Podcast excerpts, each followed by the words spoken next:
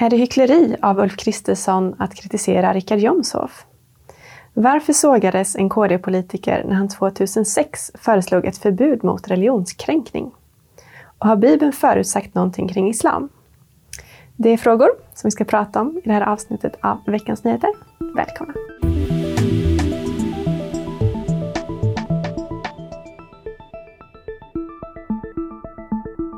Varmt välkomna till säsongens första avsnitt av Veckans Nyheter med mig Sara Andersson och bibelläraren och ledarskribenten Sven Almqvist. Kul att vara här igen. Mm. Hur har du haft det i sommar? Jag tycker faktiskt att jag har haft det bra, jättebra eh, på olika sätt. Varit på västkusten bland annat, men också haft en del konferenser och så, så jag har varit lite in action så. Men du då? Yes, jag har rest runt på lite olika håll så jag har lyckats undvika det dåliga vädret. Ute och vandrat som vanligt? Precis, haft lite fjällvandring nu på slutet. Härligt. Jag har vandrat på konferenser och talarstolar. Mm, det låter bra.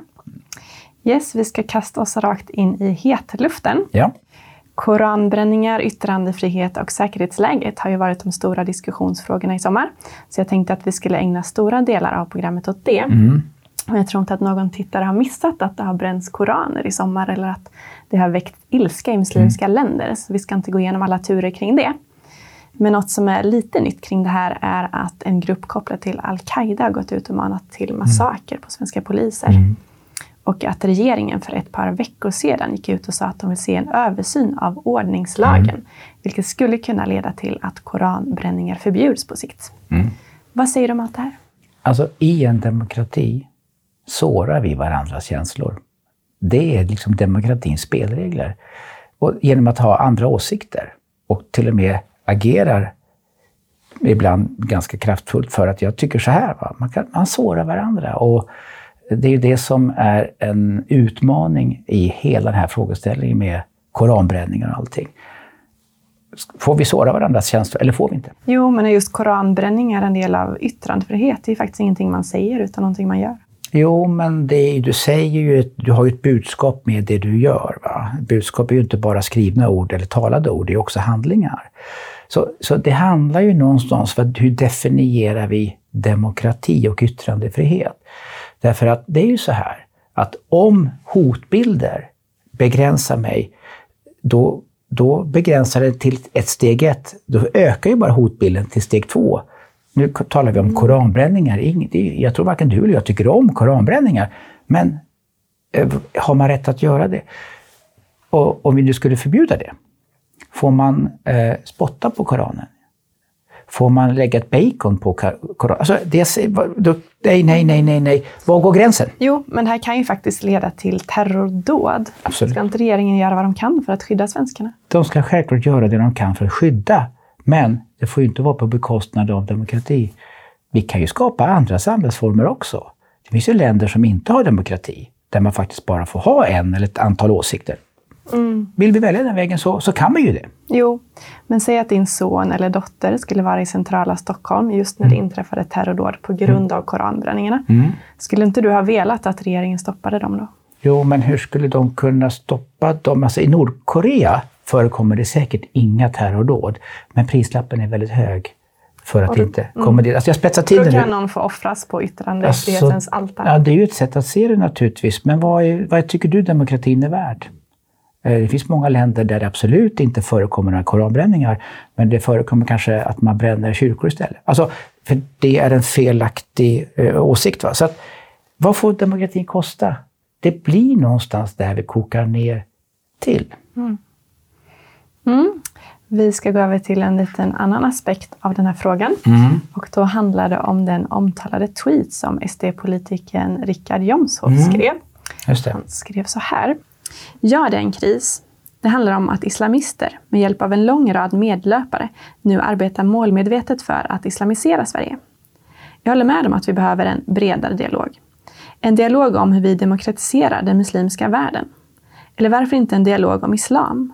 Denna antidemokratiska, våldsförespråkande och kvinnofientliga religion, ideologi, grundad av krigsherren, massmördaren, slavhandlaren och rövaren Mohammed.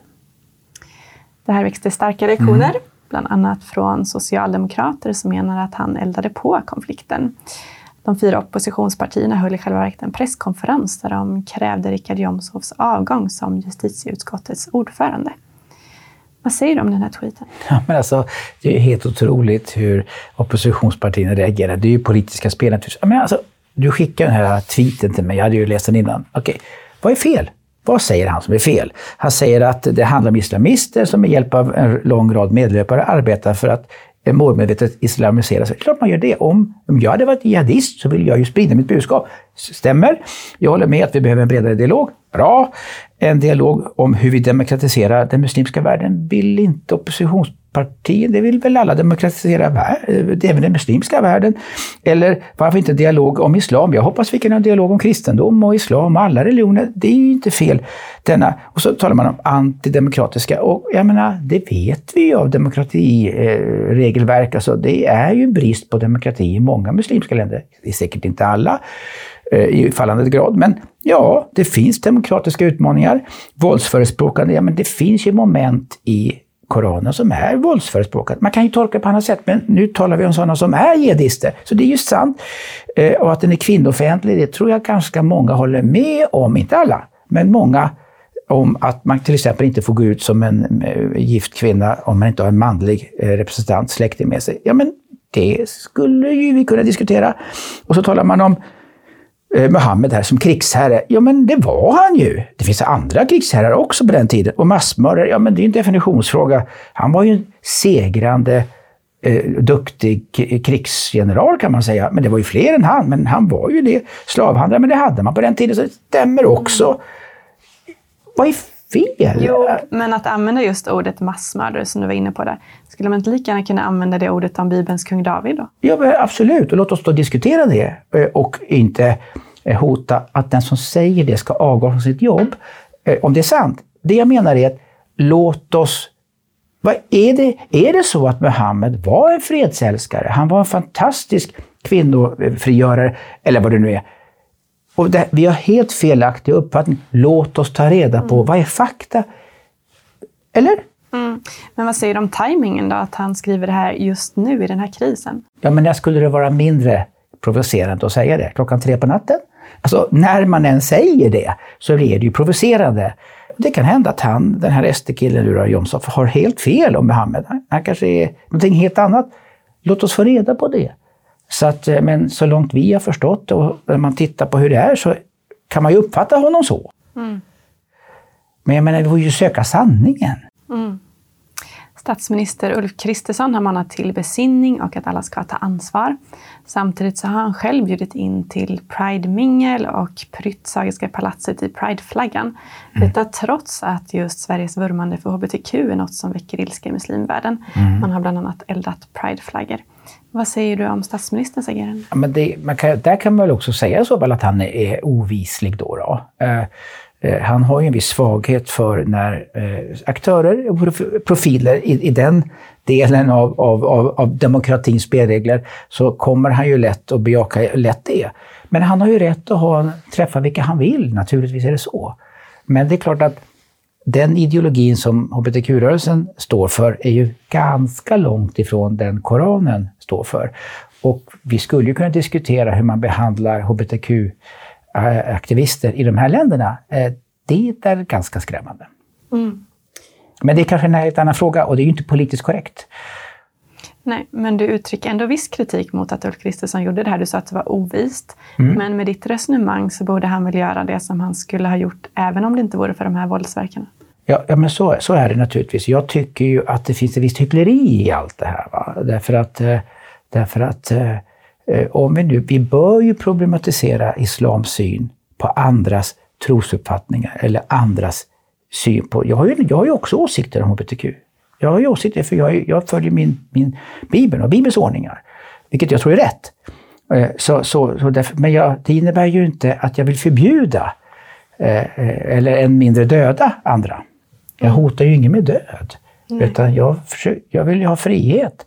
Att har, har någon rätt som jag inte vet så vill jag ju vända omvända mig. Jag vill ha sanningen. Jag är bara intresserad av sanningen. Mm. Mm. En person som Ulf Kristersson bjöd in till det här Pride-minglet var konstnären Elisabeth Olsson Wallin mm. som just är känd för att provocera kristna mm. genom vissa eh, konstverk om mm. Jesus. Vad säger du kring att han bjöd in henne? Det tycker jag är ovisst. Han får ju tycka om vilken konst han vill. Hennes konst kränker min tro. Jag tycker eh, hon gör någonting som sårar mig djupt. Men jag söker inte döda henne för det.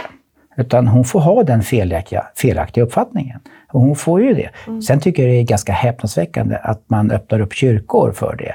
Men det är ju kanske en annan ja, typ av... Det är en annan fråga. Det är en annan typ Men av tror du att Ulf Kristersson skulle bjudit in Lars Vilks exempelvis, som han Absolut inte. Som gjorde sig känd för rondell, Mohammed-rondell? Exakt. Det kallas för hyckleri. Va? Man väljer ju då det som på något sätt är mer politiskt korrekt.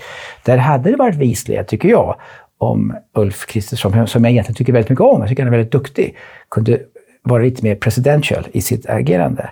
Men så är det, man, man har rätt att ha den uppfattningen också. Yes, vi sätter punkt för just det där och ska gå in på nästa diskussion kring det här. Mm. Och då handlar det om att KD-politikern Tuve Skånberg redan 2006 föreslog en lag om trosfrid, det vill säga att det skulle vara förbjudet att kränka religioner. Men det dissades av flera politiker, mm. bland annat den socialdemokratiska dåvarande justitieministern Thomas Bodström.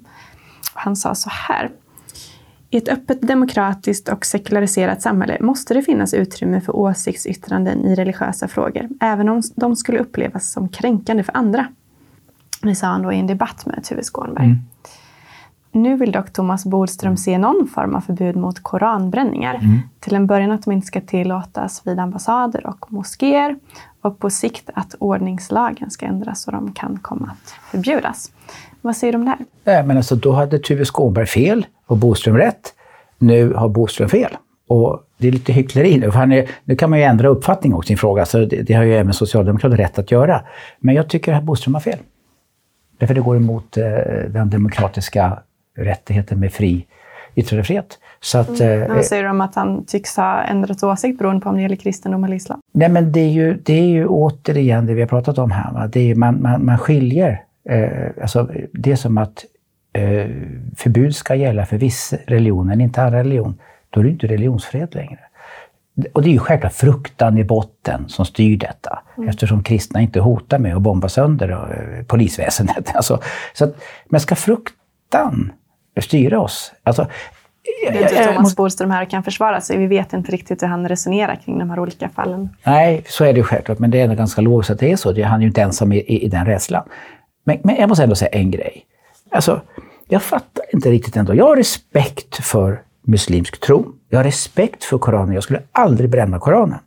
Och jag läser den till och med, studerar den för att försöka förstå. Jag kan inte arabiska än, jag jobbar på det. Det var ganska svårt. Men, men jag tänker så här. Om alla, alltså Gud i muslimska tron, han, han är ju inte, i mitt värld, han är ju inte boken eh, eller trycksvärtan. Eh, samma som Bibeln. Gud är liksom inte boken. Utan, utan om jag skulle bränna Bibeln, så, så, vilket är sårande för mig, men Gud, det är budskapet som är viktigt. Så bränner jag Koranen så är ju budskapet kvar ändå. Det resonemanget kan vi få in, tänker jag här. Vi får nu sätta punkt för den diskussionen där. Tyvärr. Vi ska gå över mm. till det mm. sista ämnet. Ja. Vi brukar ha veckans tips. Just det. Och jag tänkte att vi också skulle ha det den här säsongen, mm. men inte just idag. Då okay. vi endast ska ägna oss åt Koranen och mm. Islam. Däremot så är det dags för en teologisk fråga. Mm. Och den handlar om ifall Bibeln har förutsagt någonting kring islam. Ja, mm. vi pratade om vad Bibeln säger om framtiden i flera mm. avsnitt under förra säsongen. Det tänkte jag att vi skulle göra några gånger även den här säsongen. Och eftersom temat är islam och Koranen idag så tänkte jag fråga dig om det är någonting som nämns i Bibeln. Har Bibeln liksom förutsagt islams utbredning?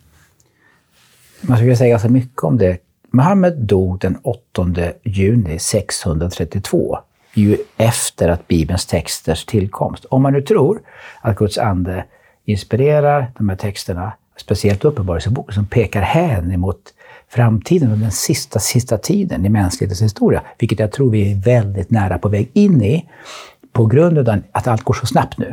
Alltså, eh, så finns det en intressant vers i Uppenbarelseboken eh, som jag ska läsa eh, för dig nu. Och jag skrev ner den när jag fick just den här teologiska frågan av dig. Det står så här i Uppenbarelseboken 20, vers 4. Och jag såg troner och det som satt på dem fick rätt att döma. Och jag såg själarna av dem som hade blivit halshuggna för Jesu vittnesbörd och Guds ord. Islam är den enda av alla världens religioner som har halshuggning som en trosuppfattning och praktiserar det i stor omfattning. Så här finns en indikation på att många av de kristna martyrerna har blivit halshuggna. Och det är en anspelning på det du frågade mig om. Mm. Men står det någonting om liksom att islam ska få så stor utbredning som det har fått? Eh, vi kommer in på ganska djupa teologiska frågor som har att göra med vad som är antikrists ande. Nämligen att man respekterar Jesus men inte hans gudom. Eh, men eh, vi får kanske ha ett annat program om det.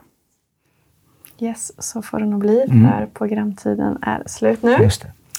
Tack så mycket för att du var med Sven. Tack själv. Och tack till er som har tittat. Vi kommer komma med ett avsnitt varje fredag, förhoppningsvis vid tre-tiden framöver under hösten. Hoppas att ni vill ses då. Och vill ni stödja det här programmet får ni som vanligt gärna swisha en gåva. Ha det bra!